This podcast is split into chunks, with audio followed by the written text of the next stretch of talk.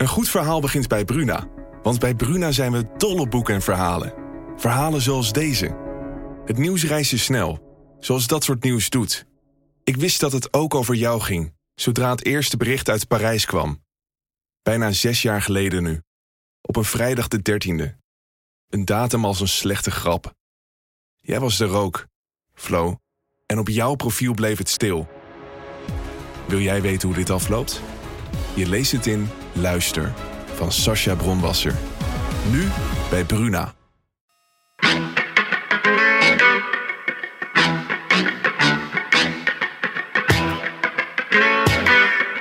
Dit is, dit is het land van Wierde. Een podcast van de Telegraaf met analyses op het nieuws die u elders niet hoort. Met Wierde en Robert Ophorst. Goedemiddag, dames en heren. Dit is niet Robert Ophorst, maar uh, Wierduk in een speciale podcast... die ook iets langer gaat duren dan de gebruikelijke wekelijkse podcast. Want bij ons weer eens iemand te gast. En dat is vandaag niemand minder dan Koen de Jong, historicus en politicoloog. Maar bovenal uh, uitgenodigd vanwege het feit dat van hem een buitengewoon interessant boek verschijnt volgende week. Dat heet Het Dwingeland, Orwell in de polder. En u begrijpt het al, dat gaat over allerlei zaken, samengevat vooral de dwang die Nederlanders tegenwoordig voelen om precies hetzelfde te denken als hun buurman, die weer hetzelfde denkt als dienstbuurman en die weer hetzelfde moet denken als dienstbuurman. Want we zijn volgens Koen de Jong, en dan chargeer ik natuurlijk, maar daar gaan we het zo meteen over hebben, beland in een soort dystopisch universum waarin de progressief-liberale elite, en die zitten allemaal in Den Haag en in de media, en nou ja, ze zitten overal zoals u weet, voor ons bepalen wat wij wel en niet mogen denken. Zij bepalen de denktaboes en ze bepalen ook de marge van het debat. Nou Koen, um, ik denk dat je je heel, heel onplezierig bij voelt nu. Maar zo heb ik jouw boek mogen begrijpen. Dus voor mij was het een uh, lust om het boek te lezen. Ik kan ja. ook iedereen aanraden. U moet het allemaal kopen. Want dan begrijpt u eindelijk waarin we helaas, helaas, helaas in zijn uh, beland. Koen heeft het allemaal voor u op een rijtje gezet. Um, Koen, ik weet dat ik chargeer, maar je hebt niet voor niks natuurlijk de behoefte gevoeld om dit allemaal eens op te schrijven in 250 uh, kloeke pagina's. Dus uh, vertel, um, Waar komt dit boek vandaan? Ja, kijk, jouw introductie is, uh, vond ik inderdaad erg grappig. Hij is, uh, hij is, hij is, hij is to the point. Hè? Hij raakt inderdaad wat ik, uh, wat ik probeer te laten zien. Ja.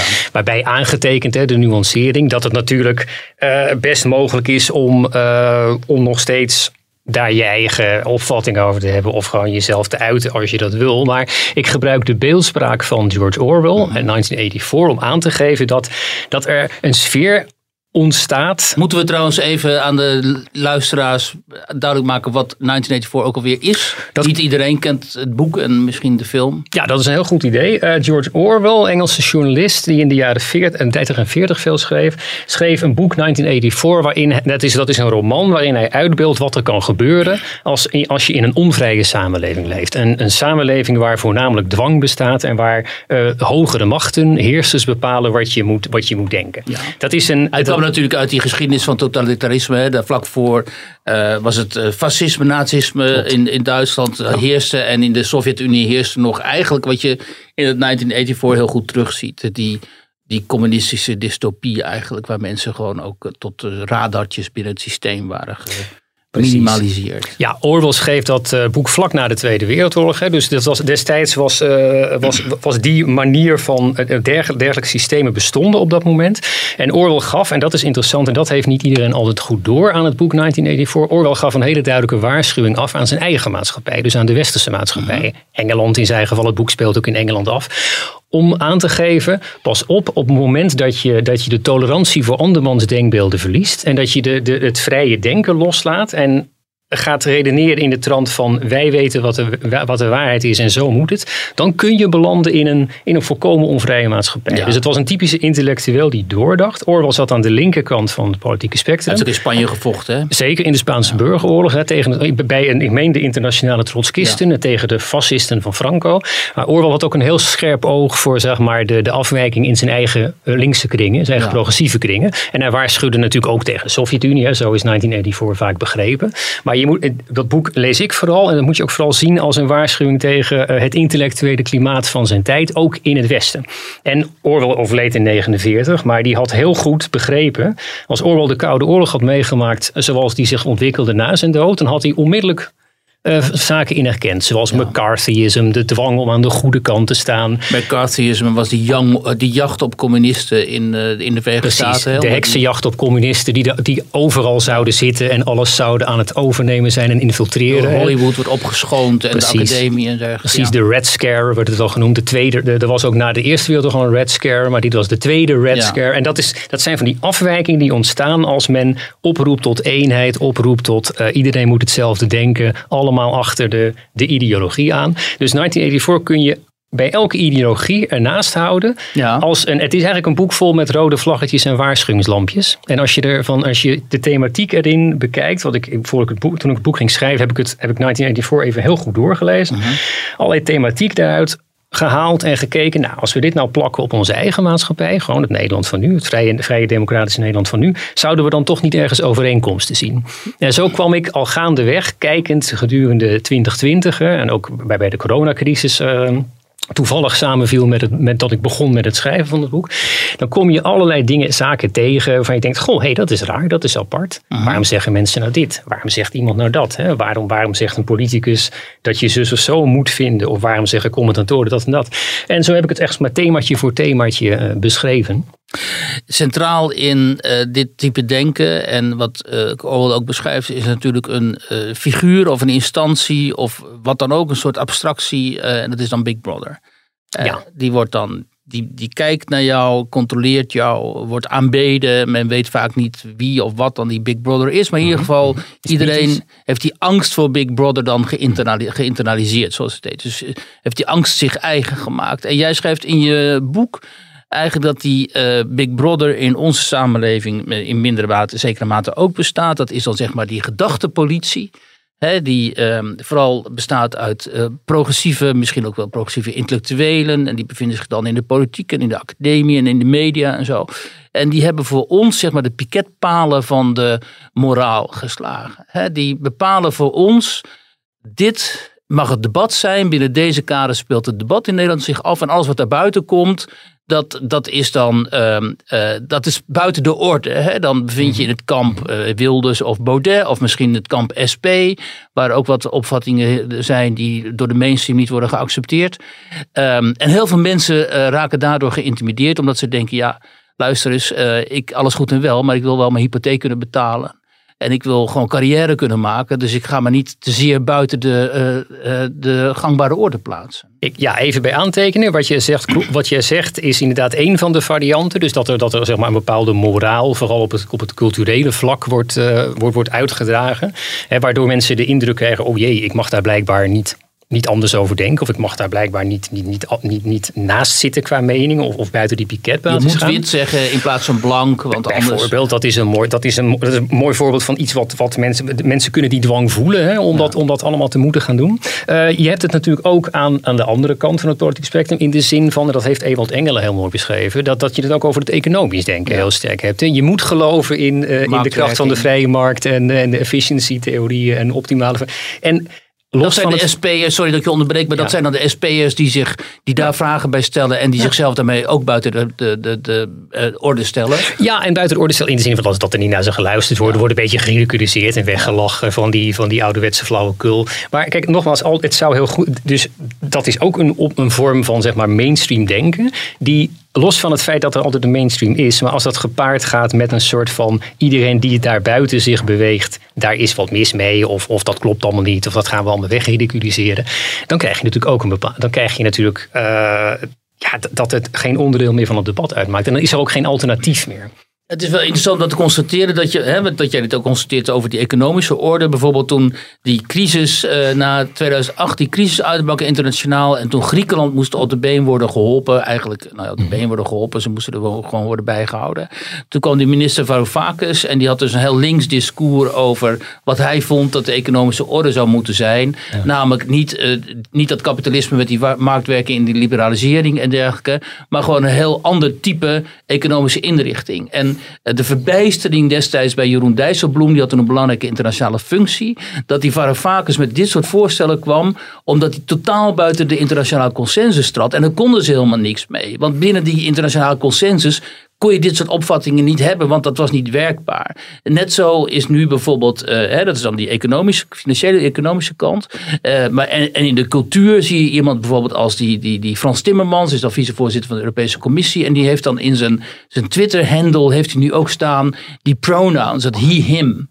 Om aan te geven dat hij een een, hoe heet dat tegenwoordig, een cisgender man is. Nou, dat is volstrekt duidelijk, want als je het hoofd van die man ziet, er zit een enorme baard aan. Dus van hem vermoed je niet dat hij transgender of vrouw is. maar hij wil toch even laten zien hoe zeer hij deugt door die pronouns dan in zijn, in zijn, in zijn Twitter-handle te zetten.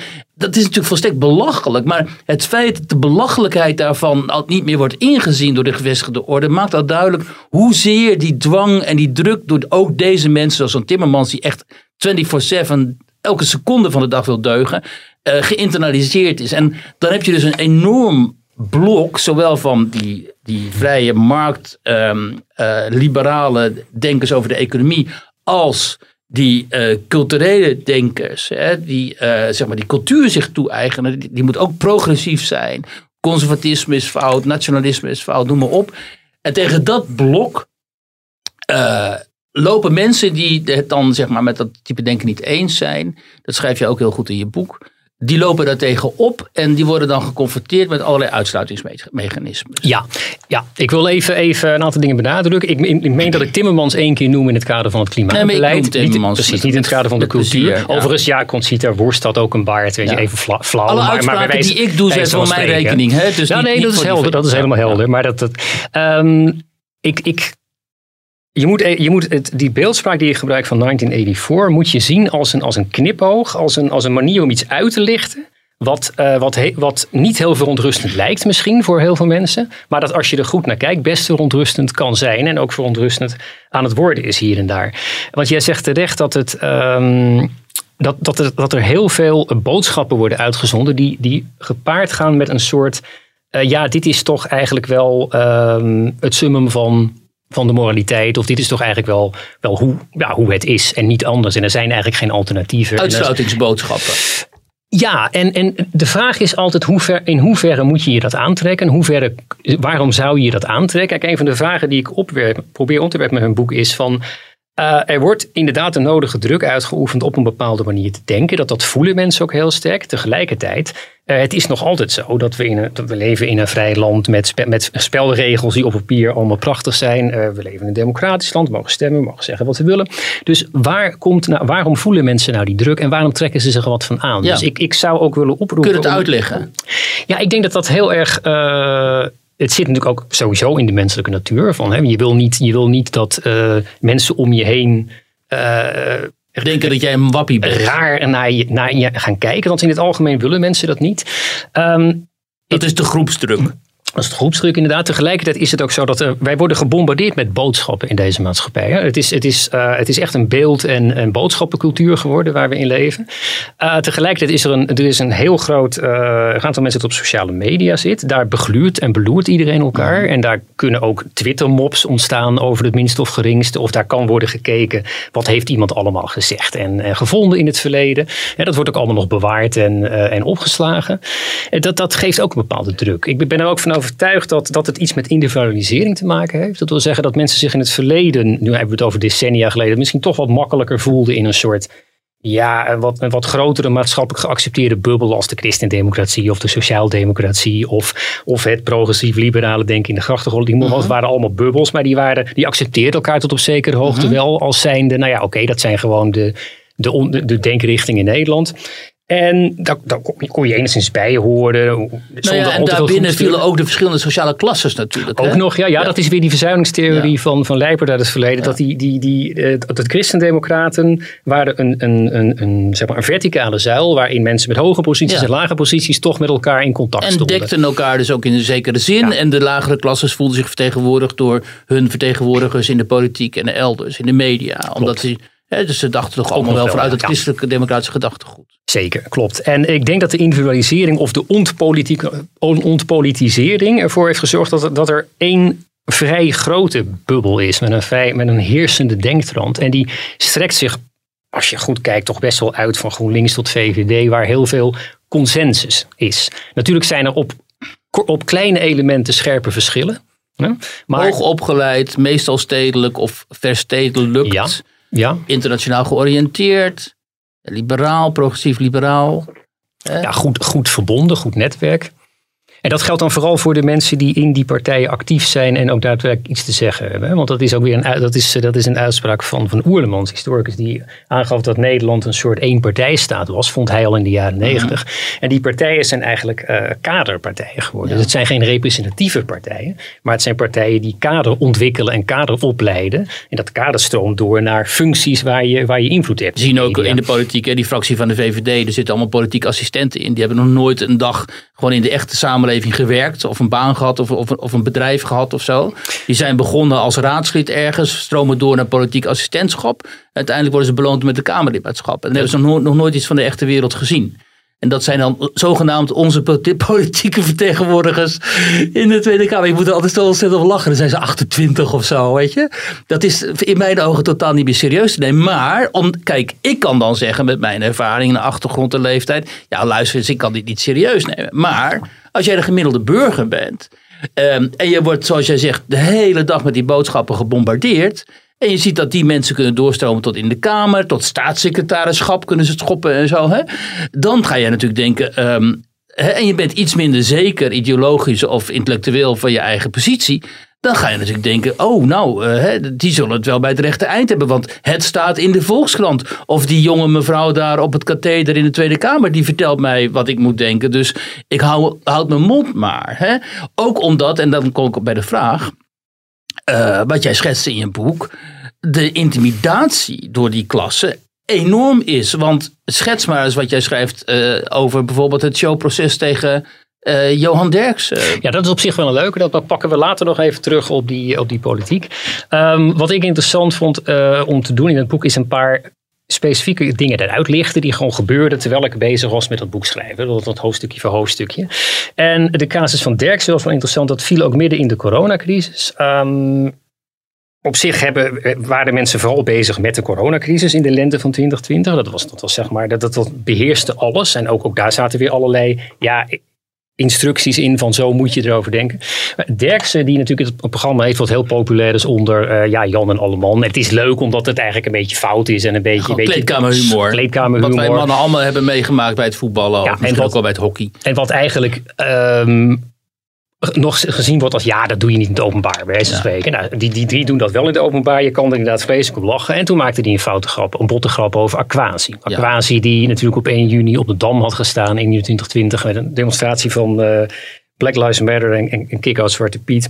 En na een paar dagen viel opeens iedereen over Derksen heen, omdat eh, de adverteerders zich gingen terugtrekken. En de adverteerders waren natuurlijk bewerkt door mensen die vonden dat Derksen eh, eh, die, die grap niet had mogen maken. Het hele mechanisme kwam op gang. En je ziet dat het niet meteen op gang kwam. Het duurde een paar dagen. Dus er wordt wat, er wordt wat ge, ge- gemekkerd daarover. Vervolgens gaan adverteerders zenuwachtig worden. Vervolgens wordt er gebeld, blijkbaar ook door politici, als ik goed begrepen had, naar, naar, naar de presentator of naar de makers van het Wilfried programma. Gené zag ze miljoenen in, in gevaar komen. Ik weet niet wat hij dacht, maar het was, in ieder geval was, zag je was beweging. als een kippen bij zag- om dit proces te organiseren. Je, je zag een beweging van oei, wat hebben we nu gedaan? Kijk, en dat is een, dat is een mooie om, eh, om- dat is een heel goede vergelijking met hoe een individu zich ook kan voelen, denk ik. In, in, in een samenleving waarin heel erg in consensus wordt gedacht. Namelijk, men roept wat, het is gewoon een geintje, weet je, en opeens. Oeps, wat heb ik nou gedaan? En dan begint dat hele mechanisme te lopen. En wat het in een landelijk tv-programma is, werd het breed uitgemeten.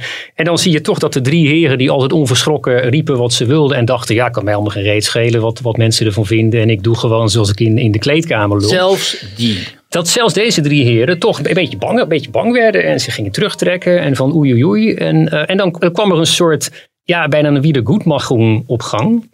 In de vorm van inderdaad een uitzending die helemaal gewijd werd aan die ene uitspraak van Derksen. En dat had een beetje iets, had iets weg van een, eh, ja, van een publiek showproces. Hè? Ik zeg het allemaal met een knipoog, hè? want het is natuurlijk geen proces, maar het, het, het geeft aan hoe, hoe ver mensen kunnen of moeten denken te gaan om zich weer, zeg maar, eh, te rehabiliteren. En ik vond het wel grappig dat Derksen gewoon zei van, joh, eh, ik ga me er geen bal van aantrekken. Hij hield het goed vol, zeg Ja. maar. Maar het is natuurlijk wel Nou ja, heel moeilijk, hè? Het, eh, eh, het interessante is natuurlijk ook, sorry hoor, want ik werd even gebeld tussendoor, Mhm. dat moet ik ook niet eh, doen. Ehm, maar ik heb alles meegekregen, kon geen probleem. Kijk, het interessante was natuurlijk dat ehm Derksen en, en René van der Gijp, dat is die andere, die hadden hier natuurlijk helemaal geen zin in. Die dachten, joh, wij zeggen wat we willen en we zijn geen racisten.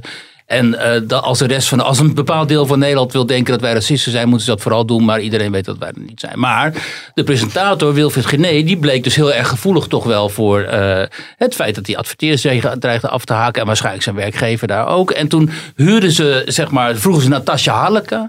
De donkere juriste die graag eh, presentator wilde worden en vervolgens dat ook eh, kon worden. Die huurden ze in om eh Derksen het vuur aan de schenen te leggen. Had jij jou niet ook ooit geïnterviewd, Weert? en Natasja had ik ooit geïnterviewd, ja. Dus een hele aardige, vriendelijke vrouw. Maar ze zit natuurlijk wel een beetje in het kamp van de, hè, van de, de social justice en de, het antiracisme en zo verhaal. En Natasja die, die, die liet zich ook helemaal in die rol drukken. Ze had ook een papiertje meegenomen, een velletje met, met opmerkingen en vragen. Zij was dus de, zij werd op dat moment eh, de voorzitter van de Nationale Inquisitie. Die Johan Derksen dan eh, over de kling, of de- over de, over de knie, heet je? Over de, over, nou ja, ging ondervragen. Aan de tand ging Ik ben even een van die spreekwoorden kwijt. Het zijn er ook altijd zoveel. En je zag dus het enorme ongenoegen bij Derksen. Hij had er helemaal geen zin in. Maar goed, hij moest wel. Want hij wist ook wel van... eh, ja, anders komen we hier niet mee weg. En, maar wat jij schrijft in je boek is... Wat, wat doet dit met mensen? Die zien dit. En die zien dat de... de de grootste muil in Nederland, Johan Derksen, die zich nooit iets aantrekt van de moraal op politie op dat moment.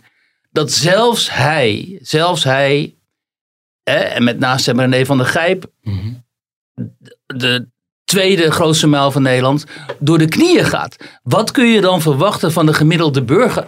Die gaan natuurlijk denken, oké jongens, dit is dus precies die Big Brother-achtige situatie waarin we zijn terechtgekomen. Ik ga geen risico's lopen. Want voor je het weet is mijn loopbaan naar de kloppen. Of ik raak mijn vrienden kwijt. Of, eh, of ik word geschandpaald op die sociale media. Wat je zei. Want één foutje is voldoende om als eh, de nationale kop van Jut te fungeren eh, op Twitter voor een dag. Ja, het kan ook nog in het echte leven gebeuren. Ehm, bij, kijk, Derksen die kan zich natuurlijk prima redden. In principe, Derksen is, gewoon, is, is eigenlijk wel binnen, die is al klaar. Die, heeft, die is met, feitelijk zou je kunnen zeggen met pensioen. Dus die, die bevindt zich in een hele sterke positie. Dus die kon, het nog wel, die kon het nog wel handelen. Maar inderdaad voor mensen in bijvoorbeeld een beginnende artiest... of iemand die nog iets wil gaan doen in de media... en die dit ziet... Die zal toch denken, joh, dat moet mij toch niet overkomen. Want dan heb ik toch wel een groot probleem. Dus je gaat zich voegen. Dat, dat, dat, dat, dat die kans is heel groot en dat risico bestaat. En, en mijn, mijn bezwaar tegen dit soort, eh, zeg maar, ja, zeg maar, zwaankleef aan Twitter-mop-achtige zaken, is dat dat eh, een heel sterke chilling effect heeft op mensen. En eh, kijk, nu ging het dan toevallig wat voor effect, sorry? Een chilling effect. Ja. Een chilling effect, zeg maar, uit de, de, de, zeg maar de, de, de theorie van de censuur is dat mensen vooraf al gaan denken, ik ga maar niks zeggen. Kijk, mensen die ehm, zeggen dat er bijvoorbeeld, dus mensen die zeggen dat er geen censuur bestaat, zeggen vaak ja, maar er staat toch niet in de wet dat je iets niet mag zeggen. Nee, maar elke censuur. Iedereen die zich daarin verdiept, die weet dat censuur ook niet per se altijd werkt met verbod vooraf, maar met consequenties achteraf. Kijk. Ja? Dus Het is kijk, altijd en- heel makkelijk voor mensen die zeg maar conformist zijn en zich helemaal conformeren aan de, aan de dominante opinie om te zeggen, ja, maar je mag toch alles zeggen? Ja, zij mogen alles zeggen. Zij hebben nooit ergens last van. Ja, Noam Chomsky, die progressieve Amerikaan, dat is een icoon van links, hè, van, de, van de progressieve beweging, zei altijd van ja, Stalin was in favor of free speech Ja, precies. for views that he accepted. Juist. En zo, en zo, maar zo moet je het ook zien. En dat is weer een heel sterk statement, maar dat is wel de kern. Omdat, kijk, nu ging het dan over eh, een grap over Aquasi in die Zwarte Piet discussie, hè, die ellenlang, en die ellenlang door emmert in Nederland, jaar na jaar na jaar, terwijl het er daar natuurlijk helemaal niet om zou moeten gaan, want dat is niet het grootste probleem in Nederland.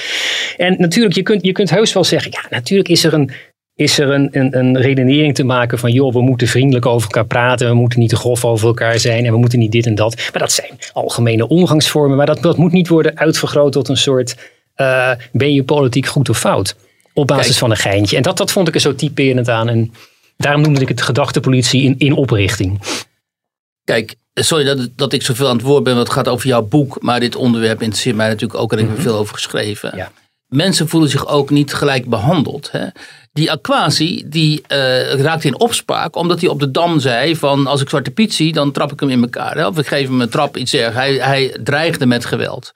Daar is niks mee gebeurd verder. Hè? Er is aangifte gedaan enzovoort. Er Ook kwam, wel, er kwam wel de nodige kritiek op. Hè? En, eh, Ja, maar en- juridisch is daar verder gewoon helemaal niks mee gedaan. Nu wil het toeval dat eh, deze week, een, eh, of vorige week, een van de blokkeervriezen is opgepakt en in de cel zit. Omdat hij vergeten was om met eh reclassering te bellen over zijn taakstraf. Ja, zoals we weten, die, die blokkeervriezen hebben allemaal taakstraffen gekregen. Ja, ja. En ze hadden moeten bellen, was hij vergeten, tot twee keer toe, toen is hij opgepakt en nu heeft hij 45 dagen moet hij zitten. Daar heeft zijn advocaat bezwaar tegen gemaakt. Maar er is in de Nederlandse wet is het zo dat ook al maak je bezwaar, dan nog kan die hechtenis gewoon doorgaan. Als die blokkeervries, die had dus net een nieuwe baan aangeboden gekregen. Als die werkgever ehm, eh, niet zo ehm, zeg maar vriendelijk was geweest, was die jongen nu die baan kwijt. Dus dat had enorme gevolgen gehad voor zijn existentie, voor zijn bestaan. Nu zegt die werkgever, ja, Friese onderling, die zegt, joh, blijf jij die 45 dagen maar zitten. Ik, ik pik je daarna wel op, op eh, en dan kun je gewoon bij mij komen werken. Jannie Douwes, die wordt gezien als de aanvoerster van die blokkeervriezen. Die heeft dus eens gebeld met die reclassering. Zo van wanneer kan ik die taakstraf uitoef- uit gaan oefenen.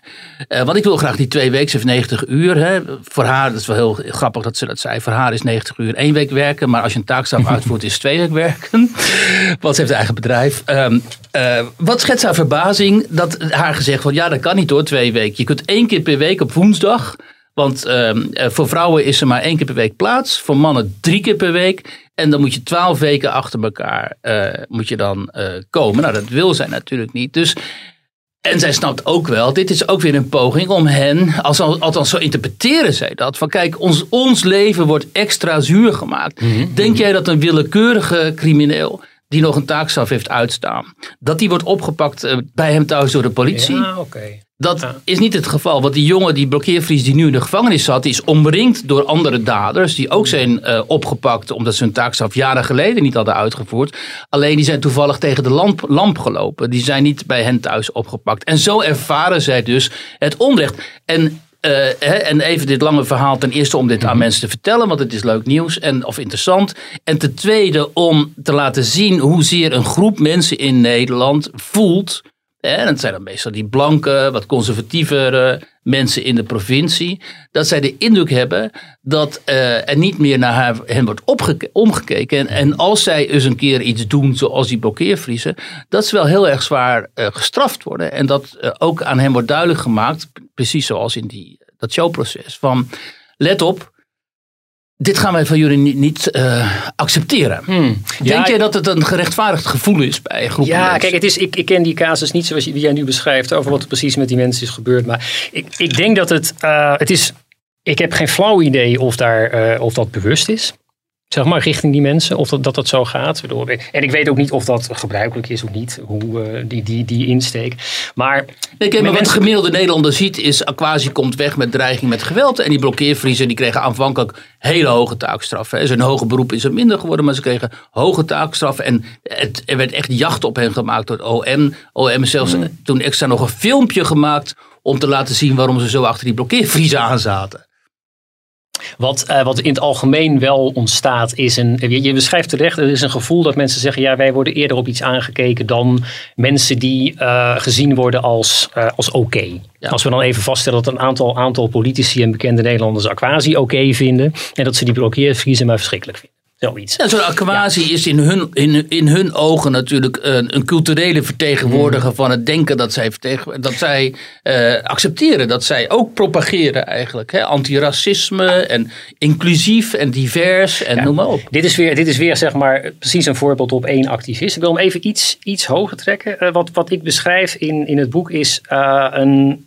Er is een soort verschuiving in de, in de klassenverhoudingen te zien in Nederland. En je hebt. Je hebt oh, dat, is, dat is een inzicht wat Orwell had. Je hebt een hogere klasse, een middenklasse en een lagere klasse. Eh, vaak zie je dat als de lagere klasse samen met de middenklasse kan samenwerken, dan kunnen ze stijgen, kunnen ze iets bereiken. Als het daarentegen zo is dat de, de middenklasse onzeker is en bang en zich, zich voegt, zich voegt naar wat de, de bovenklasse wil, dan gaat men zich heel vaak afzetten tegen de, de lagere klasse. Ja? En dat is niet per se alleen maar Randstad versus platteland en zo, maar dat, dat zit in heel veel, dat zit in heel veel eh, schakeringen. Maar wat krijg je dan? Dan krijg je dat, eh, eh, want we hebben in, in, in Europa en ook in Nederland een situatie dat een deel van de misklasse gewoon sociaal-economisch onzeker is om al de reden. Want daar- daar, daar zit heel vaak een oorzaak. Eh, Men gaat zich een beetje afzetten tegen wat wordt gezien als de, de lage opgeleide, wat minder slim en minder goed aangesloten mensen. Ja. Omdat je dat nog, is, ook, is, is mijn theorie, is een hypothese, omdat je dat ook nog een beetje cachet geeft.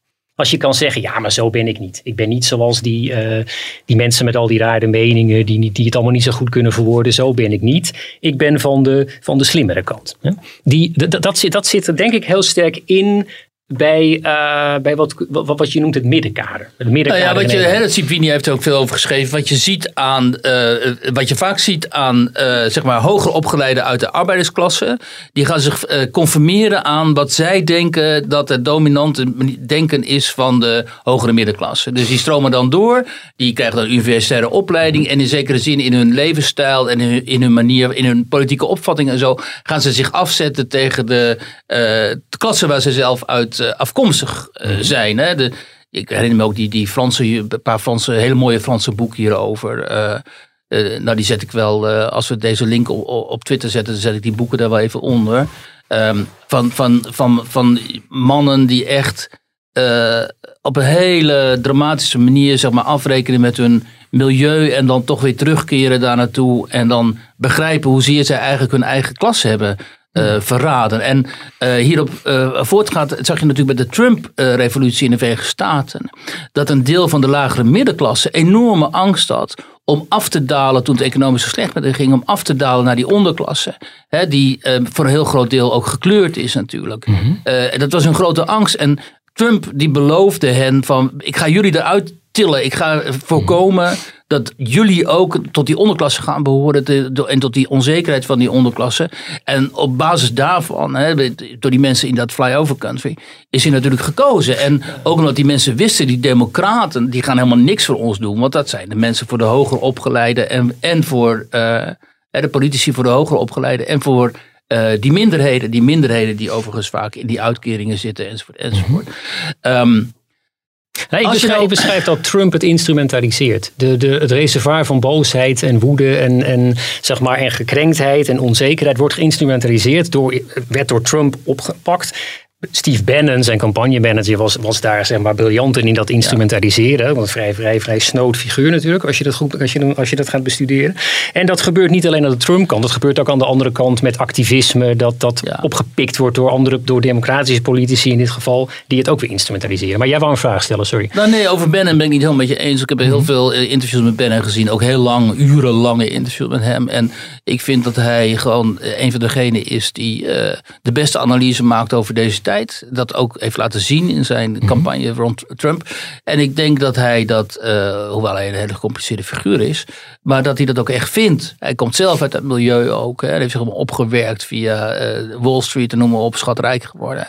Um, maar ik denk ook dat dat wel, of ik geloof ook wel, dat dat daadwerkelijk uh, zijn opvatting is, of dat hij sympathie heeft ook wel voor die, voor die kiezers. In ieder geval meer sympathie voor hen dan voor het establishment in Washington. Dat hij dus natuurlijk, dat hij gewoon Mm. Ontzettend pest aan. Nee, ik vermoed ook wel dat Bannon dat ook daadwerkelijk allemaal vindt. Maar, ik, maar nee, het, is wel een, het is wel een vorm van, instrument, van negatieve instrumentalisering van al, die, uh, van al die boosheid en onvrede. Dat bedoelde ik ermee te zeggen.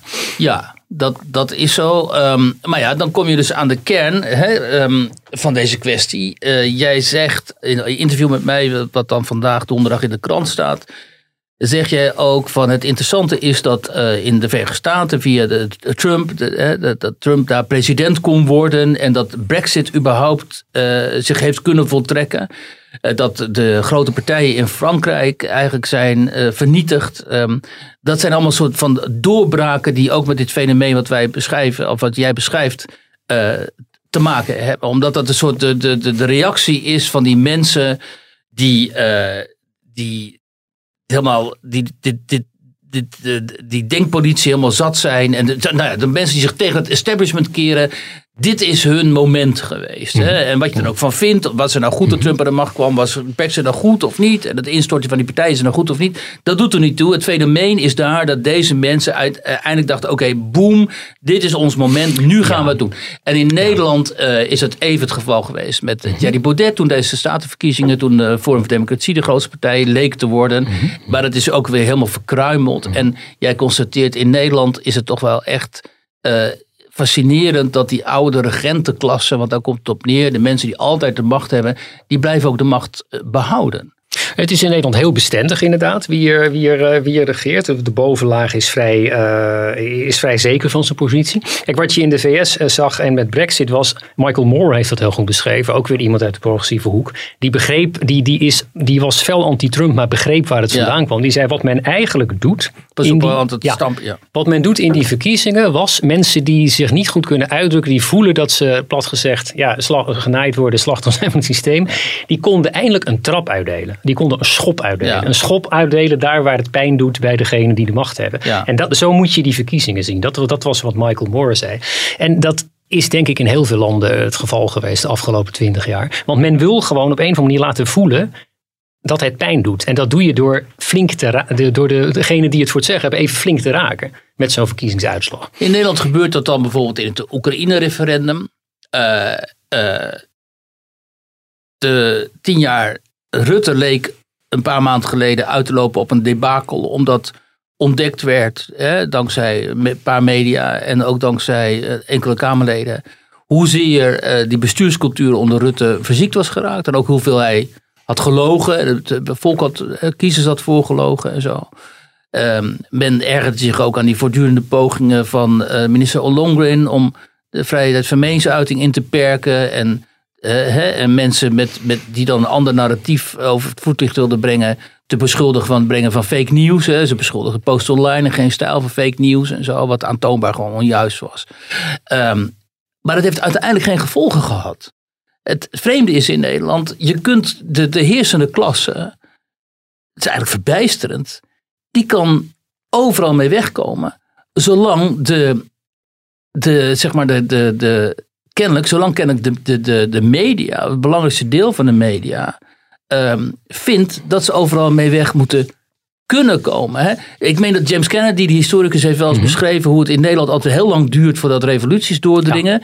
Maar dan opeens is er een soort paradigmaverschuiving. Zoals het heet. we zitten in een vast, in, vast in een bepaald paradigma waar, hè, waar, waar wij het hier over hebben eigenlijk. Dat denkpatroon waar de meeste mensen zich aan houden. En dan opeens dan komt er boom en dan uiteindelijk gaat ook het paradigma in Nederland veranderen. Maar de, maar de, de mensen, de, de, de, de, de regenten zeg maar, die veranderen niet. Die passen gewoon hun manier van denken aan. En Rutte is daarin een meester natuurlijk. Die kan op maandag het ene denken, op, op dinsdag denkt hij het tegenovergestelde. maar. Ontwikkelingen in het buitenland dringen uiteindelijk ook in Nederland door. Maar de revolutie vindt in het buitenland plaats. Maar de golf die dat teweeg brengt, die, die komt ook een beetje doorkabbelen in Nederland. En dan kan inderdaad de, dan kan de Nederlandse eh, bovenlaag, is een beetje een elite vind ik een raar woord. Boven, bovenlaag is een mooi woord. Kan heel makkelijk meebewegen. En inderdaad gewoon echt zich aanpassen. En dat, dat, dat, dat zie je heel vaak. In de jaren 60 gebeurde dat. In, na de Tweede Wereldoorlog, voor de Tweede Wereldoorlog. Dat, dat, dat is heel adaptief. En dat is op zich ook een hele slimme manier van, eh, van, van regeren. Maar dat is, is typisch weer inderdaad. De Nederlandse consensus is vrij breed. Politieke partijen van GroenLinks tot VVD zou je kunnen zeggen. eh, Ja, doen daarin mee. En ja, die hebben in Nederland nog steeds toch meer dan 50% van de stemmen in handen. Waarschijnlijk ook omdat Nederland natuurlijk Kijk, we kunnen, we kunnen klagen over. Mensen kunnen ontevreden zijn in Nederland. Hè. Mensen volgens het recht om iets te vinden. Maar eh, sociaal-economisch gaat het in Nederland toch nog altijd weer beter. En is de verdeling nog wat eerlijker dan in bijvoorbeeld de Verenigde Staten. Of, of in Engeland. Maar ik weet niet of jij als in Engeland komt. Maar ehm, het was niet zo heel moeilijk te raden dat het mogelijk zou zijn dat dat Brexit-referendum gewonnen ging worden. De- Want Engelsen hebben niks met de EU. Ook progressieve Engelsen eigenlijk niet. En de armoede in Engeland, dat is zichtbaar. hè. Dus, dus dat waren allemaal redenen. Maar in Nederland gaat het natuurlijk op zich nog. Er zijn herverdelingsmechanismen. Er is in die consensusstructuur ook altijd wel iets van. Nou, komen jullie er even een beetje bij? Als er ergens wat onrust is, dan worden mensen ook uitgenodigd om een beetje tegen de. Tegen, de, tegen de, de, de mensen die voor zich hebben aan Ja, te ja, die komen Black hangen. Lives Matter activisten zaten onmiddellijk aan, in het katshuis eh, aan tafel. Ja, en daarvan heb ik het vermoeden dat dat, eh, want dat, dat is natuurlijk een beweging. Dat was met, die, met de dood van George Floyd, was dat natuurlijk een spontane grote demonstratie. Dat speelt natuurlijk ook al jaren, hè, die issues rond, rond eh, de, de, de, zeg maar de issues rond racisme spelen al jaren in het Nederlandse debat. Maar je kan wel. Het, het- is niet, niet gek om te denken dat die activistische clubs, die toch niet zo heel groot zijn, die stellen in principe niet zo heel voor, dat die gewoon heel erg ruim baan hebben gekregen op het moment dat die wat momentum kregen. Omdat dat ook wel past bij een bepaalde agenda. Ze mochten in coronatijd van Femke Halsema uitgebreid demonstreren op de Dam zonder mondkapje. Dat kan nog, zeg maar, Femke stond er zelf tussen. Ja, ja, dat kan nog een soort van, oh jee, wat overkomt ons nu. We hadden het niet verwacht zijn. Maar het was, later werd het niet consequent toegepast in de maanden erna. Dus dan heeft er toch wel iets weg van, nou ja, oké, dit laten Jij we bedoelt doorgaan. dat, de- dat de corona, anti-corona maatregel demonstraties, die werden gewoon uit elkaar geslagen door de Nou, politie. die niet alleen, maar gewoon demonstraties in het algemeen. Nou, die, die waren inderdaad heel zichtbaar. Omdat mensen dat gingen doen terwijl het toch gingen doen terwijl het niet mocht. Mhm. Maar kijk, je had op, in het, in het, zeker in de lente van 2020, de eerste zes maanden van de coronacrisis, had je eigenlijk niet zozeer meer een publiek debat en ook niet meer verenigingen, vergaderingen en bijeenkomst. Maar deze, deze eh, ja, beweging, dus die, die di- dit stukje activisme is heel snel geïncorporeerd door een aantal partijen. Zeg maar de, de progressieve kant de van. Cooptatie. de- ja, de, ja de, de progressieve kant van de, van, zeg maar, van de, van de middenpartij dacht, nou oké, dat komt ons eigenlijk wel. Dat vinden we eigenlijk wel prima. En daar kun, je ook, daar kun je ook mooi campagne mee maken. Je kan dat belangrijk maken. En je ziet dat D66 en GroenLinks dat heel graag een beetje incorporeren. Die taal overnemen. Allemaal heel oppervlakkig hoor. Want net als in de Verenigde Staten, waar elk groot bedrijf inmiddels een diversity officer en een, eh, en een verplichte cursus heeft voor alle medewerkers. Ja, is, is het natuurlijk allemaal gewoon een beetje krabben. Het is natuurlijk allemaal, een vernislaagje op je eigen, op je eigen bedrijf of organisatie verven. Ja, Coca-Cola eh, is niet anders geworden doordat ze daar nu een klein beetje mee praten met activisme. Het is woke Nee, capitalism. het is toch, kijk, dat Black Lives Matter is gewoon een, heel, een zwaar links, extreem linkse marxistische beweging. de, de kernorganisatie van, mm, meen ik wel, ja, in Ja. de VS. Ja. Ja. Je hoeft maar naar die, speeches te kijken en naar die, die stukken te lezen. En dan zie je dat dat zijn gewoon eh, hardcore Marxisten. En dat wordt dan, dat discours wordt dan maar. En dan vervolgens zegt Mark Rutte, de eh, leider van de liberale partij in Nederland en premier, die zegt tegen hen: Weet je wat, schuif maar bij mij aan, hè, op het, eh, aan tafel. Dat is toch heel vreemd? Ik meen dat Hij Rutte zou zelf- moeten zeggen: Ja, maar hier gaan we helemaal niet, eh, niks mee beginnen, joh. Ik meen dat Rutte zelfs het woord systemisch racisme in de woord nam. Dat heeft hij gewoon gezegd. Wat- Systeem- wat wat ja. een hele omstreden term is en ook een hele, in het verleden hele aparte bijeffecten heeft gehad. Met name in, eh, in het Verenigd Koninkrijk. Toen men dat ging gebruiken in politiekringen had het allerlei rare bijeffecten. Het is een omstreden, is het is een omstreden manier van naar de, naar de werkelijkheid kijken. Het is zo omstreden dat men niet eens begreep dat hij systemisch racisme zei, wat hij bewust deed, maar dat men dacht dat hij systematisch racisme zei, wat, wat hij niet racisme. zei. Hij zei gewoon systemisch institutioneel racisme. Dus Rutte erkende daar onder druk van een kleine groep activisten dat Nederland institutioneel racistisch zou zijn. Dus met andere woorden dat de grondwet hier in Nederland niet geldt. Dat is toch En, en dan, komt er, dan is er niet enorm veel ophef en heisa in de media en zo van mensen die zeggen: de premier die zoiets zegt, dat, dat kan gewoon niet. Wat Rutte dacht weten we niet natuurlijk. Maar, maar Hij je- zei het toch? Ehm, kijk, aan kijk je, moet, je moet het als volgt zien. Iedereen mag zijn mening uiten. Dus er mogen 10.000 mensen op de dam staan en, en demonstreren tegen racisme. Daar is helemaal niets mis mee. Ik ben zelf nogal, ik vind demonstreren toch wel belangrijk. Dus ik vond het, vond het, het, is, het is al heel wat dat er in de coronatijd dat, dat demonstreren moeilijk, moeilijker was. Dat is al gewoon, gewoon, zeg maar, zoiets moet altijd heel erg tijdelijk zijn. Dus daar is helemaal, dat is helemaal dat is het punt niet en dat is het probleem niet. Maar die, eh, de, het wordt, het Ben wordt ik het wel met je eens hoor, tussendoor. Dat uh, Halsema, die, uh, hè, Halsema is toch wel heel, uh, een liberaal, ziet zichzelf ook als liberaal. Mhm. Dat ze op dat moment die gelegenheid bood op de Dam omdat ze dachten dat dat, dat demonstratieverbod is toch wel heel belangrijk. Mhm. Dat vind ik met name ook achteraf, gezien het feit dat we daarna wisten dat eh, besmettingen in de open lucht nauwelijks voorkomen. eh, vind ik wel valide, maar ga verder. Mhm, ja.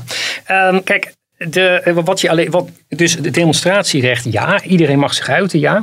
Maar typerend is dat, eh, dat juist deze beweging eh, zo, zo heel makkelijk wordt, wordt geaccepteerd en meegenomen door een aantal politici als zijnde, oh ja, dit. En dan beschrijf ik onder andere in het boek een aantal voorbeelden van hoe instituties en, wetenschaps- en wetenschappelijke instellingen en musea heel gretig wel erin meegaan. En ook eh, statements maken van, van waarbij we bijvoorbeeld zeggen, nou ja, deze ideologie onderschrijven wij. Bijvoorbeeld werd op Ja. een gegeven moment, eh, jij noemde meen ik James Kennedy eerder, die was er ook nogal positief over. Dus dat is Nou, ook verbaast me niks. ook alweer opvallend. Ja. Hè? Waarom verba- Dan dat dit christelijke hoek komt. En daar zie je al heel snel dat ze dit soort ideeën over de onderdrukte minderheden en zo coopteren. En, ehm, hè, en die zijn, hun ruggengraat is dan vaak niet zo eh, heel Ja, eh, sterk. eh, dat- daar kan het aan liggen, dat weet ik niet. Ik, ik meen dat hij er zich in ieder geval heel positief over uitliet. Maar het, het, kijk, je kan zeggen dat is sympathiek en dat is, dat is, dat is meevoelen met mensen. En dat, dat statement, dat, dat is ook een redenering die je kunt maken. Maar eh, ik denk dat je enorm moet oppassen met, met als, als instelling die wetenschap bedrijft of, eh, of, geschied, of geschiedschrijving om je aan een of ander eh, ideologie te verbinden. Of, of alleen al door te zeggen dat je, dat je vindt dat, dat de organisatie dat gaat onderschrijven, roep je eigenlijk al, eh, maak je jezelf al, al subjectief. Nou ja, je hebt immers dat voorbeeld van het Rijksmuseum. Dat, uh, nee, het beeld, welk, welk museum was het ook weer waar die banner hing? Waar die Palestina-banner. Dat ben ik even kwijt, dat was recent hè? Dat was vorige week en dan hadden ze dat ook nog eens een keer beargumenteerd in een heel verhaal waarin ze zeggen dat het het doel moet zijn van onderwijsinstellingen om te dekolonialiseren en dat elke student ook eh, het als een opdracht moet zien om te dekolonialiseren. En dan denk je, je zou toch maar gewoon een jonge, een jonge man of vrouw zijn en je wilt leren schilderen of je wilt leren beeldhouden of tekenen.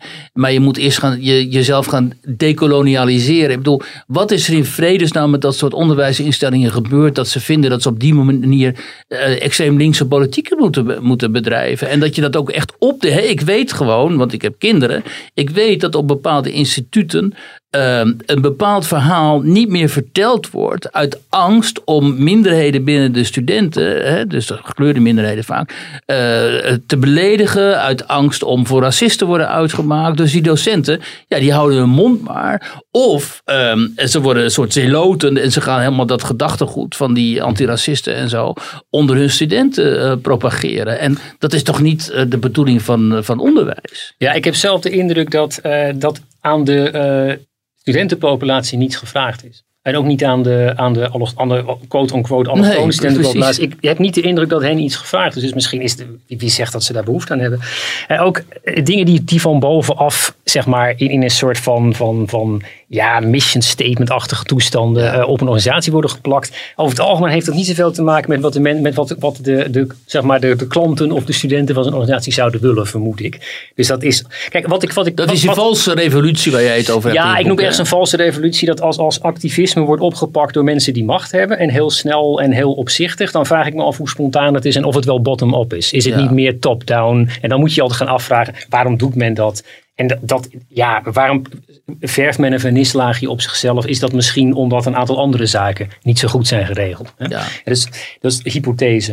Um, kijk, wat je. Um, bij een, wat, ik, wat, wat ik me wel opvalt, ik denk terug aan universiteiten toen, ik, toen ik er rondliep. Er is helemaal niks mis mee dat er hele flinke, stevige meningen zijn op universiteiten. Of dat van alles en nog wat wordt beweerd. Maar laat dat dan in ieder geval ook, laat dat dan ook weer divers zijn. Laat dat dan van alles zijn.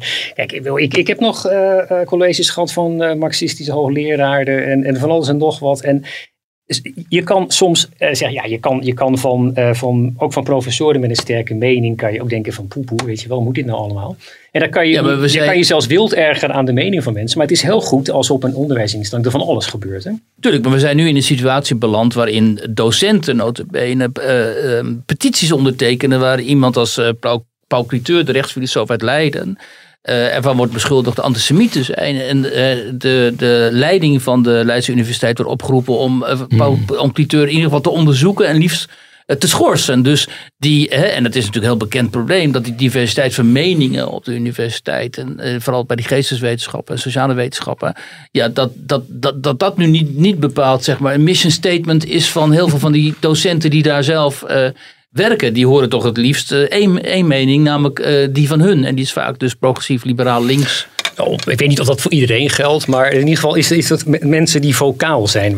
Daar geldt het waarschijnlijk voor. Uh, kijk, je, je, je, kan twee mensen naast elkaar zetten: Willem Schinkel en Paul Cliteur. Nou, Willem Schinkel is een. Uh, ik, ik, kan niet goed plaatsen welke richting hij zit, maar hij is in ieder geval erg links. En hij heeft, hij heeft, het, hij heeft het, het statement gemaakt dat alle partijen van GroenLinks, recht en rechterkant van GroenLinks en ja, rechts, extreem rechts in dat die allemaal eigenlijk al veel te rechts zijn. Ja. En dat is allemaal, allemaal al, al repression en oppression en weet ik het allemaal. Nou, dat, dat kan best grappig zijn om naar te luisteren. Dat is ook de ideoloog van bijeen. Hè? Ja, het, is prima dat, dat iemand al dat boeken over schrijft. En dat, dat, dat is allemaal, wil ik allemaal best lezen en zo. Dat, is allemaal, dat kan helemaal interessant zijn. Of, of, zeg maar scherp dingen neerzetten, discussiëren. Nou, dan kan je zeggen, dan zit Paul Cliteur helemaal aan de andere kant. Hè, want die heeft het over oikofobie gehad en dergelijke. En over, over het belang van de nazistaat. Bij het Forum voor Democratie. En zat bij het Forum voor Democratie. Dus dan heb je twee totale uitersten bij ja. één Forum voor Democratie. Ja, dat moet toch allebei gewoon op één gang kunnen zitten. Nou ja, of in één gebouw kunnen zitten zonder dat het allemaal tot gedoe leidt. En dat, zitten ze ook. Maar het interessante is natuurlijk dat Willem Schinkel niet algemeen geproblematiseerd wordt. Hoogstens misschien door geen stijl of de post online.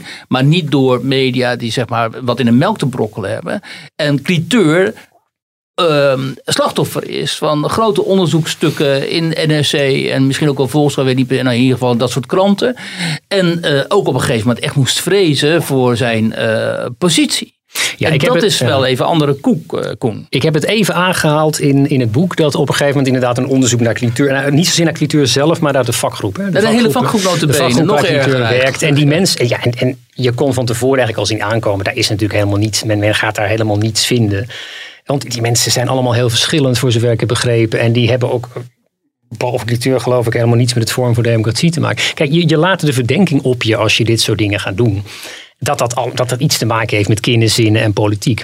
En dat, dat lijkt mij niet verstandig, laat ik het zo zeggen. Dat, Dat heeft te maken met eh, dat een groot deel van deze elite, jij wil dat niet zeggen, maar dat is gewoon de elite, eh, niet wil dat conservatief gedachtegoed, hè, en dat, dat, kan, dat is gedachtegoed dat eh, uitspraken doet over de rol van de man en de vrouw, over eh, de gender, over ehm, eh, identiteit, over de identiteit van ons land, over eventueel patriotisme, nationalisme, dat type gedachtegoed, zelfs ook over de natuur overigens. Eh, geen windmolens, bijvoorbeeld, ehm, of zo min mogelijk. Eh, dat dat type gedachtegoed eh, niet accepteert. En zodra dat type gedachtegoed ergens opduikt, het onmiddellijk plaatst in, in ehm, de hoek van extreem rechts. Ja, kijk, ik, ik vind het zelf. eh, het is niet zo dat Nederland nou alleen maar progressief is. Hè? Nederland is eigenlijk een centrumrechtsland met, met centrumrechtse ideeën. En de Nederlandse burger heeft vrij stabiele opvattingen. En die zijn helemaal niet zo links. Kijk, Daarom is het zo verbazend dat die elite zo is losgezongen van dat soort opvattingen. Ik, ik, ik, zeg altijd, ik zeg vaak bovenlaag, maar elite is ook prima hoor. Maar die elite is ook niet, niet allemaal hetzelfde. Hè. Er is, er is VVD, VVD, CDA die in feite gewoon centrumrechts zijn. En er zijn, er zijn de partijen D66, eh, PvdA, GroenLinks die, die inderdaad een bepaalde vorm van progressivisme uitdragen. Maar ik zou zelfs willen bestrijden dat eh, de partijen die als links gelden, dat die wel echt zo links zijn. Ik denk dat er een hele beperkte opvatting is van wat progressief wordt gevonden. Die, eh, kijk, ik zie mezelf als progressief. Ik heb helemaal niks met, met dwang en autoriteit. Ik heb helemaal niets met mensen die me vertellen wat ik moet doen. Nou, dat is progressief. Het is ook progressief om te zeggen dat burgerrechten belangrijk zijn. Het is ook progressief om te zeggen dat, dat er vrijheid is. Ik gun mijn buurman totaal andere opvattingen. Hè. Ik, ik hou niet van, eh, van, van, van opkomende autoriteit en dergelijke. Althans, dat, ik zie daar de nadelen van. Hè, het is altijd uiteraard, ik vind mensen moeten tegenspreken en, eh, en, hun, en hun eigen ding kunnen doen. Ik bemoei me ook niet met wat de buurman en de buurvrouw in hun slaapkamer doen. Het is allemaal totaal niet Ja, belangrijk. Liberaal dus. Precies. En ja, maar ook en, en progressief, hoe je het ook. Je zou kunnen zeggen dat is klassiek liberaal wellicht. Maar we zien in eh, wat als progressief wordt, wordt benoemd in Nederland, zien we net iets te vaak dat het een soort van eh, een vaste set meningjes is die, Ja. die je moet hebben. Bijvoorbeeld, eh, heel, oh, het klimaat wordt erbij gehaald snel. Ik ben ook voor een schoon milieu en ik maak me ook wel zorgen over het klimaat en dergelijke. Maar het, het worden al heel snel dogma's. Ja. Er worden heel snel dogma's in. Je moet een bepaalde oriëntatie, bijvoorbeeld multiculturele samenleving, moet je per se geweldig vinden. Ja. Daar is op zich helemaal niks mis mee dat een samenleving multicultureel is. Maar de manier waarop multicultureel wordt eh, eh, gedefinieerd. Is vaak iets anders. Het is vaak meer van u moet het politiek met ons eens zijn. Ja. En dat vind ik het kwalijke eraan. Dus ik, ik denk dat het ook een van de sleutels is waarom de eh, zich links noemende partijen steeds verkiezingen verliezen. Omdat ze eh, helemaal niet, niet, niet meer resoneren met hun achterban. Ja, maakt niet uit of ze verkiezingen verliezen. Ze doen gewoon mee aan de formatie. Ah, het is wel zo dat ze, omdat ze in posities zitten van, van kaderpartijen zijn. Als je kaderpartij bent, zoals de, zoals PvdA, heb je gewoon nog steeds. Ben je heel handig om in een coalitie te hebben. Dat telt daar heel sterk aan mee. Kijk, een zwaar linkse partij als de SP. Die, in, die, die komt in principe voor de rijtjeshuizen Ja. mensen op. Of voor de mensen in Oost-Groningen, weet je, waar het economisch beroerd gaat. Ja, dat, dat, dat, ja. proberen zij. En dat is ook echt links. Ja. En dat heeft niets te maken met of je een hele set woke ideeën eh, accepteert. Want dat vind ik niet zoveel met links te maken hebben. En dat vind ik ook eerlijk gezegd niet zo heel progressief. Die mogen ook niet meedoen hè, met die formaties. Het is dan D66, van D66 tot GroenLinks en dan houdt het op. Ehm, nou, het, kijk, het is, het is de gebruikelijke, de usual suspects. Hè. Dat, is, dat is waar, men, waar, je het snel, waar je het snelst in zoekt. Natuurlijk wordt er wel eens een nieuwkomer ook weer ge, geïncorporeerd. Hè. Of soms wordt er een nieuwkomer even aangesloten. Die faalt dan vervolgens en die valt dan voorgoed af. Maar, ehm, maar ik, ik toch eventjes doorgaand op dat progressieve. Kijk, het is... Ik, ja, jij begon het eh, programma met te zeggen dat mijn boek gaat over de progressieve eh, gedachtendwang. Ja, maar dan moet je dus dat progressief eigenlijk even tussen haken zetten. Ja. Eigenlijk is het, ge- eh, is het ehm, geaccepteerd gedachtegoed of established truths. Hè, die, die, door een, die door mensen met, met invloed uitgedragen Ja. worden. Of die nou zo progressief zijn, dat weet ik niet hoor.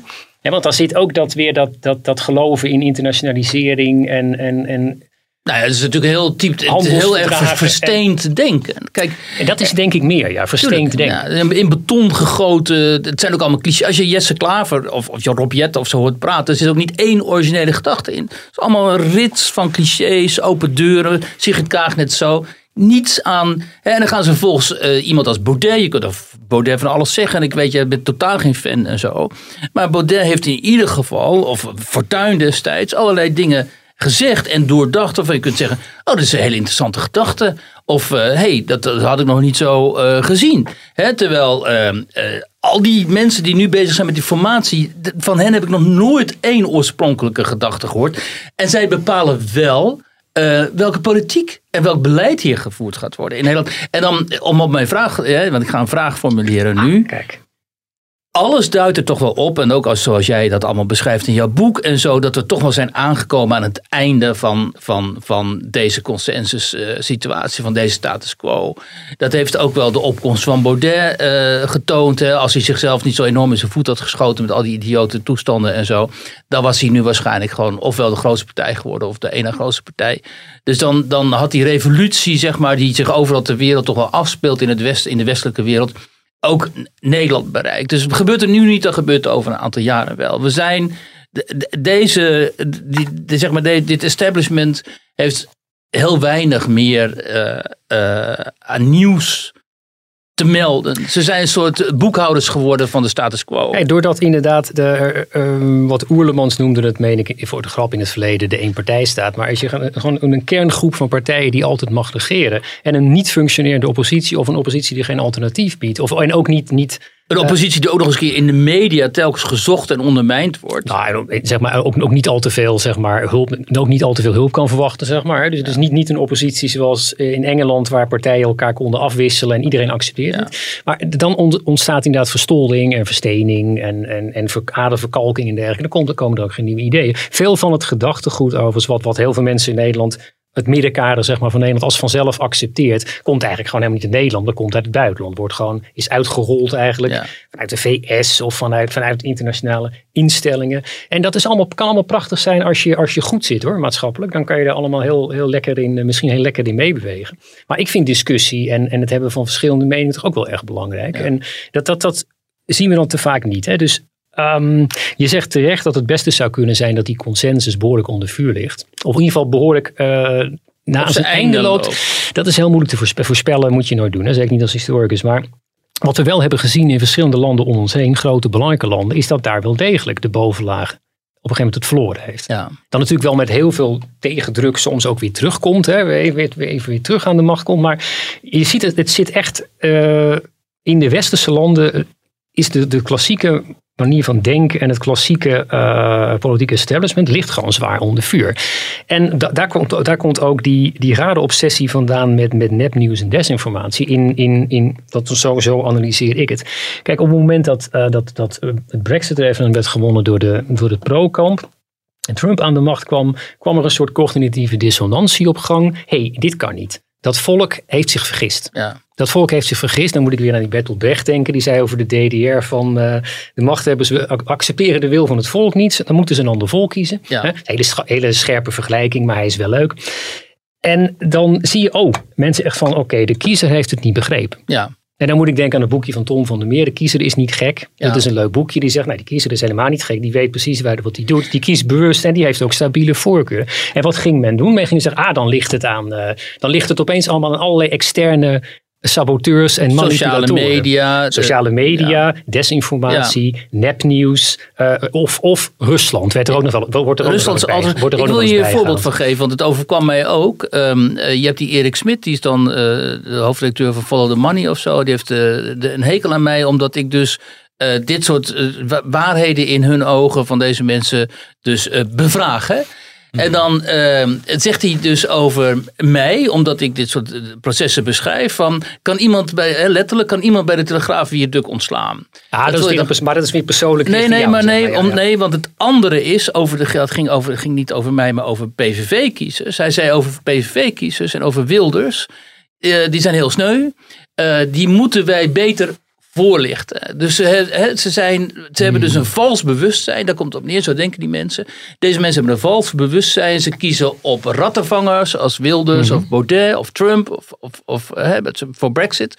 En we moeten hen dus beter informeren, zodat zij uiteindelijk zo gaan denken als wij. En dit is precies wat jij bedoelt. Dus we willen eigenlijk een ander volk eh, kiezen, zodat die mensen ook denken eh, wat wij denken. Want Of dat is de enige juiste manier om te denken. Of anders trainen, anders, eh, anders heropvoeden. Ja, dat is een, ik denk, ik, ik denk, denk ik een illusie. En ook een beetje een gevaarlijke gedachte, omdat mensen gaan trainen in hoe ze dan zeg maar het juiste bewustzijn zouden moeten krijgen. Nou, dat doet mij toch wel heel erg denken aan Nou, dat is situaties uit het verleden. Dat, is, dat, is, dat klinkt toch alweer heel erg Orwelliaans. Hè? Men, men moet en zal op een bepaalde manier denken. Het is ook, het is ook ja, het- Ik vind het ook wel grappig, omdat jij in je boek eigenlijk heel fel hierover bent. Ja. Hè? En eigenlijk, eh, zeg maar, eh, eh, schrijft zoals ik nu praat. Maar Mhm. als je dan eh, in gesprek bent of in, in, in eh, interview, dat je dan eh, meer begint eh, te nuanceren. Terwijl je boek juist zo interessant is, omdat je daar geen blad voor de mond neemt. Ja, ik- ik- ik- dit ik- schrijf beeldend en ik wil het echt duidelijk maken. Mensen van kijk eens, kijk eens wat dit voor een trend is. En, en licht dat er eens op. En denk dan eens van goh, waar hebben we dat nou eerder gezien? Hè? Ja. Dat heropvoeden en mensen ideologisch trainen. Nou, dat is in het verleden niet zo goed afgelopen. Nee. In, diverse, in diverse landen. Hè, dus je, dan, je moet dat, en je- als je dat, ik onderbouw dat met allerlei citaten van mensen in, posit, in, in best wel hoge posities. Die allerlei dingen zeggen waar je van gaat denken van nou. Van, van, moet dat nou wel? Hè? Bijvoorbeeld gaan zeggen van, joh, eh, gewoon heel veel reageren op iets wat iemand op sociale media heeft gezegd, omdat je het niet kan velen. Dat, ik, dat bij van spreken. En jij zegt van, ja, waar, je bent heel fel in het boek, maar je maakt het wat, je maakt, je nuanceert het wat in, in een gesprek. Ja, misschien, misschien is het ook wel goed juist hoor, dat, dat, dat weet ik niet. Maar je boek, ik, kan mensen, ik raad mensen dus dit boek aan, omdat je daar gewoon volstrekt helder bent. En alle die ontwikkelingen van de laatste jaren op een rijtje zet. Waardoor eh, ik denk voor heel veel mensen inzichtelijk wordt van, ja verdorie, verdorie, dit is gewoon wat er is gebeurd. En we hebben dit ook laten gebeuren. En, maar misschien is het wel handig, ook ter afsluiting, want we zijn al bijna een uur Ah, bezig. ja. Om eh, even, ik weet niet of je die, die paraat hebt of op een rijtje hebt. De grootste denktaboes van deze tijd ehm, eh, de- niet te behandelen, maar die even op een rijtje eh, te zetten. Zodat mensen het kunnen zien. Oh ja, dat is inderdaad. eh, daar mag ik, mag ik niks over vinden of over zeggen. Nou, ik denk dat het grootste denktaboe, als, je het, eh, als we het zo zouden willen noemen, is toch ehm, het, het twijfelen aan de, eh, aan de geaccepteerde wijsheid. En die geaccepteerde wijsheid die, die, die je inderdaad, zeg maar, plastisch met Big Brother zou kunnen vergelijken. Ergens is een of andere collectieve wijsheid waar je niet aan mag twijfelen. Die overigens altijd continu verandert. Hè? Want, want de, de, mensen die, de mensen die dat bepalen, die veranderen ook wel eens van mening. En dan verandert ook die geaccepteerde wijsheid weer.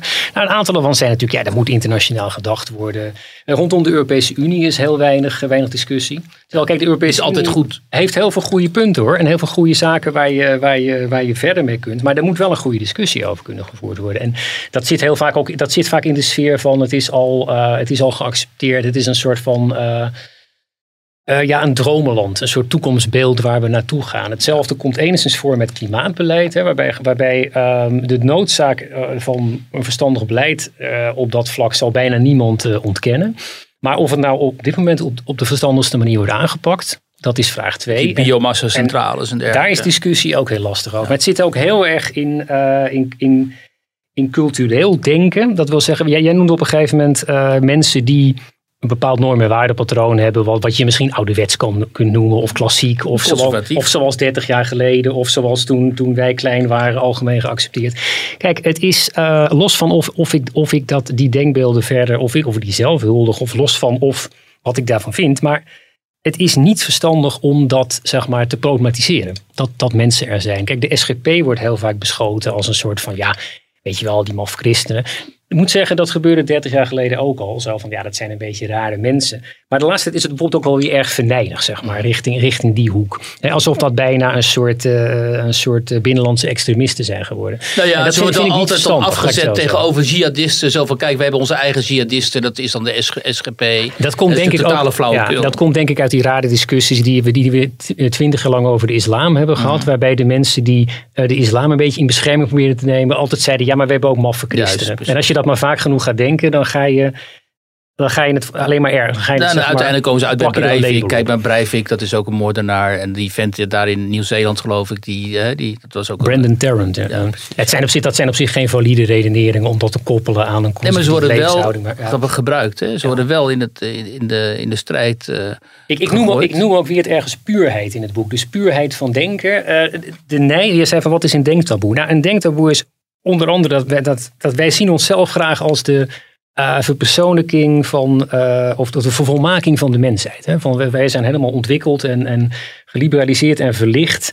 En wij in Nederland, maar de westerse wereld in zijn geheel, wij zijn het su- summum van de, van de, van de geschiedenis. Mhm. nou, en, en daar hoort dan dus niet bij dat er nog mensen zijn die nog een beetje zijn achtergebleven. Ja, Ja, dus het zijn dan de hoge opgeleiden, die vinden dat van zichzelf. En ik maak dat, ik maak dat een klein beetje belachelijk in het boek, omdat ja, het is nogal een claim. Hè. Je weet, over 100 jaar vinden ze ons achterlijk. Over 50 jaar vinden ze ons al achterlijk. En dan zeggen ze, joh, haha, die rare mensen met die rare gewoontes en die rare taboes. Kijk hoe wij naar het verleden kijken. Maar wij hoeven niet de arrogantie te hebben, hè, als, als hoogopgeleide eh Noordwest-Europeanen, dat wij het allemaal zo goed weten. Kijk, want Ja, maar daar ga ik, je, ik ga je daar niet tegenspreken. Ik geef je gelijk. Maar de- de- ter afsluiting wil ik wel zeggen dat er waarschijnlijk eh, dat het belangrijk is te constateren dat wat wij hier in Noordwest-Europa hebben opgebouwd aan beschaving, ja, dat er waarschijnlijk in de geschiedenis niet een hoger staande beschaving is geweest dan deze. Hè? En dat die dus, als je naar de aardkloot kijkt, dat dat ook een heel klein deel van de aarde is. Waarop dit hè, ehm, eh, democratisch, liberaal rechtsstaat. ehm, eh, en verzorgingsstaat eh, zo is, heeft kunnen samenkomen. En dat we dat dienen te koesteren en te beschermen. En dat dat nu juist het probleem is, denk ik, van de mensen die jij ook bespreekt in jouw boek zeg maar, die mensen die zich niet gehoord voelen, dat zij zien dat die beschaving onder druk staat. Vanwege allerlei invloeden van buiten, maar ook intern. Hè, door die progressief-liberale elite, die, die eigenlijk voor een deel die eh, samenleving aan het afbreken is. Eh, willens en wetens ook. En dat dat het grote probleem van eh, deze tijd is. Dat wij zien dat die samenleving, die ook mede door mijn ouders in de wederopbouw is opgebouwd dat die enorm onder druk staat. Hè? eh, vanwege allerlei eh, eh, invloeden van buitenaf. immigratie, internationale verdragen die we niet kunnen opzeggen. Maar ook gewoon de oikofobie. Waar Cliteur het over heeft. De zelfhaat. Hè, waardoor we Ondersch- jij onderschrijft dat wel, die oikofobie? Of, eh? eh, ik, Ben ik even ik, benieuwd ik naar. denk dat een heel groot deel van, eh, de, van eh, de Nederlandse politie en ook mensen in de media en zo, inderdaad enorme zelfhaat koesteren. Zo. Van Hmm. wij blanke westerlingen, wij zijn schuldig aan al, het slechtste in de wereld. In Of, van, of het is het snobisme wat Orwell ook heel goed beschreef in, een, eh, in een essay. Namelijk dat het, dat het juist een vorm van snobisme Juist, is om ja. tegen jezelf te zeggen. Nou, die paar kleine zwarte vlekjes die Ja. wij nog hebben als maatschappij. Die, die zijn aan het wegwerken. Maar er zijn ergens anders nog wat mensen waar we, waar we op neerkijken. ja, dat, dat Orwell is. vond dat snobisme van de, middenkla- van de progressieve Nou, middenklasse. is betuttel racisme noemen we dat ook wel. Zini Ustil heeft die term gemunt, geloof ik. Maar, eh, en dat is het natuurlijk ook. Het is heel makkelijk om antiracist te zijn als je in een enorm grachtenpand in Amsterdam in het centrum woont. En eigenlijk eh, de enige allochtonen die, of eh, de immigranten die jij ziet, dat zijn die paar mensen op straat, die, of die, die, die leuke dame bij de, bij de kassa, bij de Albert Heijn. Dus dan heb je helemaal geen weet, wat ik eerder ook al zei, heb je gewoon helemaal geen weet van de werkelijkheid in de, in de achterstandswijk. Ik denk overigens wat jij zei over ehm, eh, de, eh, de, zeg maar de pro- progressieve eh, bovenlaag die het voor het zeggen heeft. Ik denk dat er heel veel mensen zijn die, die hoog opgeleid zijn en, en tot het middenkader behoren. Die ook gewoon heel erg vrij nadenken en in- bij zichzelf denken. Nou ja, weet je, ik denk eigenlijk wel heel genuanceerd over dit of heel genuanceerd over dat. Of ik zie eigenlijk ook wel Zeker, maar ze het zijn niet alleen maar- nee, het zijn niet alleen lager opgeleiden of mensen in, in een moeilijke positie die wellicht anders denken. Maar het consensusdenken is gewoon heel sterk. Precies. En, en het is heel moeilijk om je daaraan te onttrekken, blijkbaar. En, en ik weet niet of het specifiek Nederland is. Ik, als je kijkt naar de situatie in het VK, zie je eigenlijk dezelfde mechanismen. Ja. Ook met heel veel, heel veel felheid in richting mensen die een klein beetje van een bepaalde norm Ja. afwijken. En ja, ik, ik ik ben het ook eens met je eens dat Noordwest-Europa een heel. eh, in zekere zin inderdaad een, een, een heel mooi voorbeeld is van, van, van, ontwikkel, van waar de ontwikkeling van de geschiedenis toe kan leiden. Dus we moeten dat ook koesteren. Maar de, manier, de, de verkeerde manier om dat te koesteren is door te zeggen: wij zijn perfect, wij hebben door hoe het werkt. En iedereen moet met ons mee. We zullen? Want zien. Juist de eh, pluriformiteit is goed. Nou, het ultimum daarvan zullen we dus de komende jaren zien ontstaan in de Forumland. Hè, waar Thierry Baudet en de zijnen zich gaan terugtrekken De om deze ja, beschaving ja, ja. tot nog grotere ontwikkeling de te brengen. Puritans. ja, De- precies, De, de- nieuwe, de nieuwe Verenigde De Staten. nieuwe Amish, dus we zullen zien hoe zich dat dan eh, ontwikkelt. En misschien over het paar jaar dat we dan eh, de- terugkomen in, een, in de podcast en kunnen concluderen: oké, dat, dat project is gigantisch eh, mislukt. Of eh, geslaagd. Maar ehm, nou ja, we zullen het zien. In ieder geval, het, Koen, is er nog iets, want ik ben zoveel aan het woord geweest, vind ik een beetje bezwaarlijk. is er nog iets van wat jij zegt als laatste, maar dat wil ik toch even gezegd hebben, verteld hebben, want dat vind ik belangrijk. En eh, Wiert heeft het over het hoofd gezien. Dat kan Nou. namelijk in een podcast, hè, dat is het fijne eraan. Ja, nou, ik denk dat eh, dat belangrijk is. We hebben het niet over de internationale politiek gehad, wat een heel erg aparte, aparte dimensie is. Want het is vaak ver van een bed gebeurde. En ook, dat is ook weer typisch zoiets waar, waar, waar niemand, of waar heel weinig mensen echt op doordenken Ja. en vragen bij stellen. Dat is één. Ik denk dat we echt moeten benadrukken dat, eh, dat het, het klimaat van, zeg maar, wat ik probeer te beschrijven, van je ziet, je ziet toch heel snel.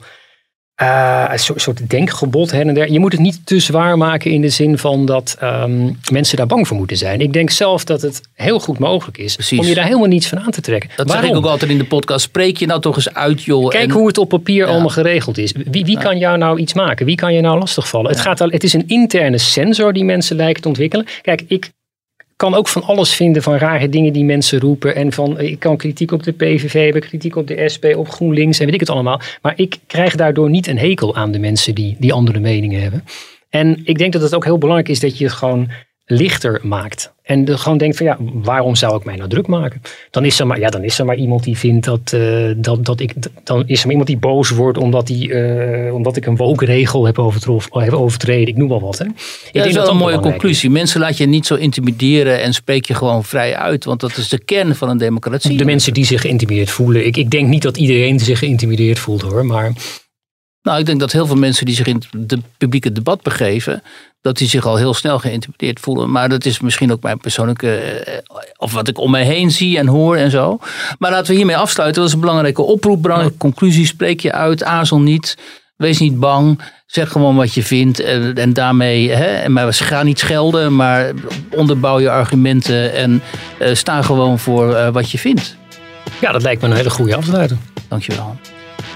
Was Koen de Jong. Heel veel dank Koen. Het was eh, echt eh, enorm interessant. Ik raad iedereen nogmaals aan om je boek te, te kopen. Kan ongetwijfeld ook via e-book op den duur. Of dat weet ik niet precies. Maar ja, dus ook. Nou ja, dat kost Ook allemaal. Die e-boeken kosten allemaal niks.